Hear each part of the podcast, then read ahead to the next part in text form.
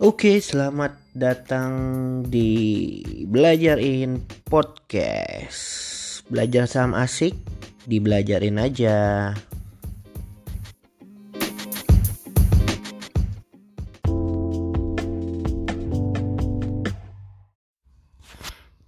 Oke, selamat pagi semua. Apa kabarnya hari ini? Balik lagi di Belajarin Podcast episode 2 tanggal 5 bulan Maret ya 2020 gimana kabarnya semua? Saya rasa baik-baik saja ya karena uh, kemarin kita lihat indeks kita bagus banget ya ternyata ya naik. Namun keadaan naik ini harus terus kita pantau dikarenakan masih apa ada di situasi yang cukup global ya yang krisis juga ya karena banyak sekali apa krisis-krisis terutama wabah corona. Jadi ini bisa jadi bahan pertimbangan masuk juga. Karena kalau dilihat secara grafik memang IHSG dua hari ini dia uh, candlesticknya hijau ya. Kalau hari ini dia akan candlesticknya hijau lagi berarti dia akan membentuk yang namanya three weight shoulder. Apa itu three weight shoulder? Itu adalah candle yang di mana uh, keadaan dia tiga hijau ya, tiga candle hijau yang beruntun ya apa efeknya? Efeknya bisa saja dia akan lanjut atau dia akan koreksi juga seperti itu, teman-teman. So, hari ini pembahasan kita lebih ke ini ya. Uh, tahu nggak sih teman-teman bahwa untuk memulai sebuah bisnis dalam hal ini trading ya, itu tidak semua bisa berjalan dengan lancar saya beri faktanya ya. Jadi, untuk masuk di pasar market finansial, terutama trader ya, ini kalau dilihat sejarahnya ya teman-teman, bahwa memang untuk teman-teman yang baru pertama, tahun pertama, memang memiliki risk yang cukup besar ya untuk gagal di saya lihat saya pelajari bahwa 85% trader itu gagal di tahun pertamanya. Nah, jadi memang cukup sulit ya 85% fail di tahun pertama. Kenapa bisa begitu, teman-teman? Biasanya sih yang paling utama dia tidak memiliki trading plan yang jelas. Rata-rata trader yang apa? Trader atau pemain saham yang gagal di tahun pertama tuh biasanya dia penyakit utamanya tidak ada trading plan. Jadi dia masuk dengar dari apa yang orang bilang. Misalnya hari ini yuk kita beli saham PSBP misalnya. Nah, orang yang tahun pertama ini biasanya dia ngikut aja. Ngikut aja tuh orang orang bilang beli ini, dia beli. Orang lain beli ini, dia beli. Nah, terkadang dia tidak memahami kenapa dia harus beli. Nah, jadi yang itu ya teman-teman ya masalah yang pertama ya. Tidak ada trading plan. Terus di tahun kedua nih teman-teman. Jika teman-teman berhasil di tahun kedua bisa melalui tahun pertama dari data yang saya dapat ini 7,5% gagal di tahun kedua.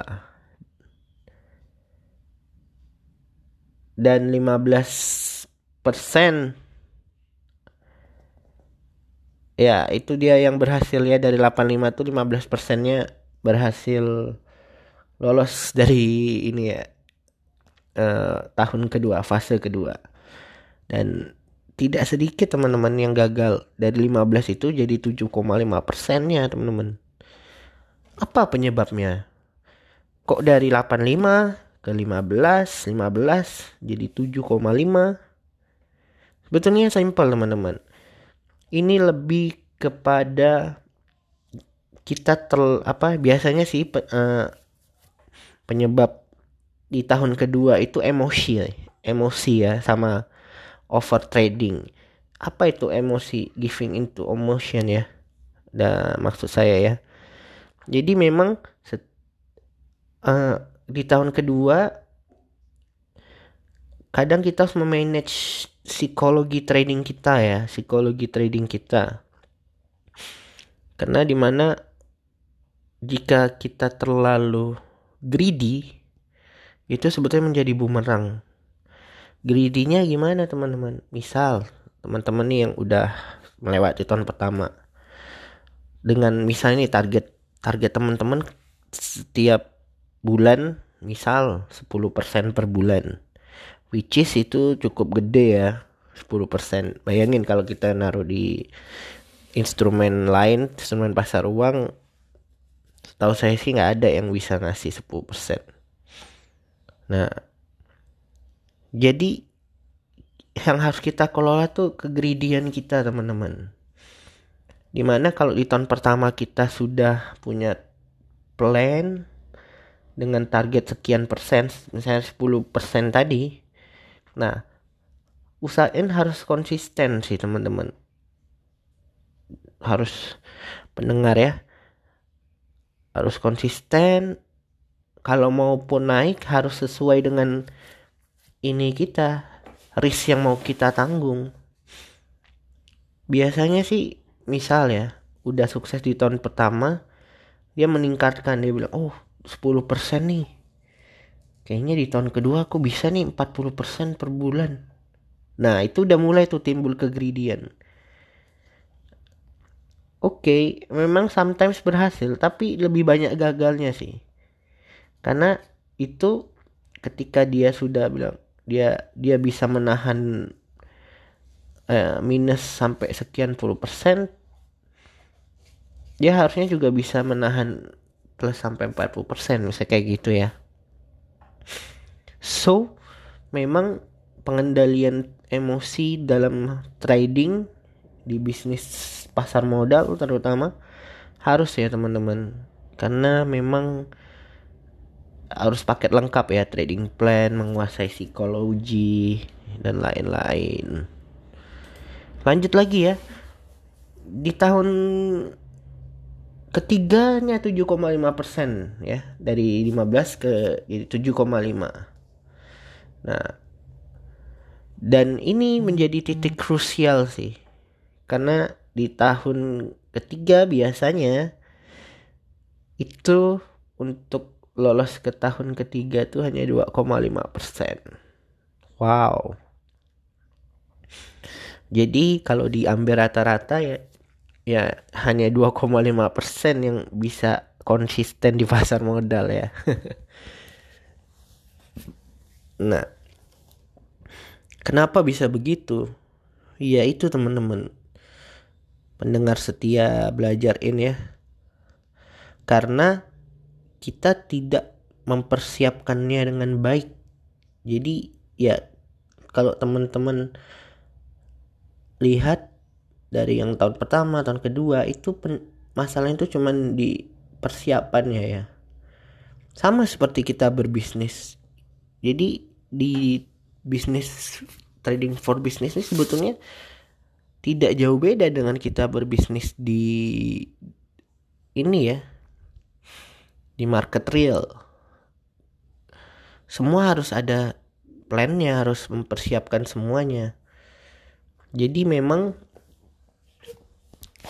jika memang teman-teman mempersiapkan semuanya pasti saya rasa kita akan melewati uh, fase-fase ini ya untuk jadi seorang trader bis trader pasar modal ya.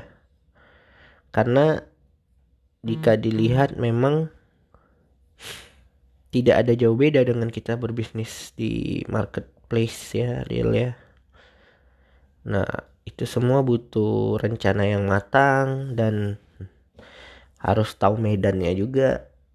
Nah dibelajarin kita akan belajar teman-teman ya. Kita akan belajar bagaimana cara mengerti understanding pasar market kita bagaimana kita membuat trading plan terus how to be uh, good ya. Jadi uh, yang mantap di pasar modal dengan analisa yang komprehensif ya yang yang tidak terlalu ribet tapi efektif.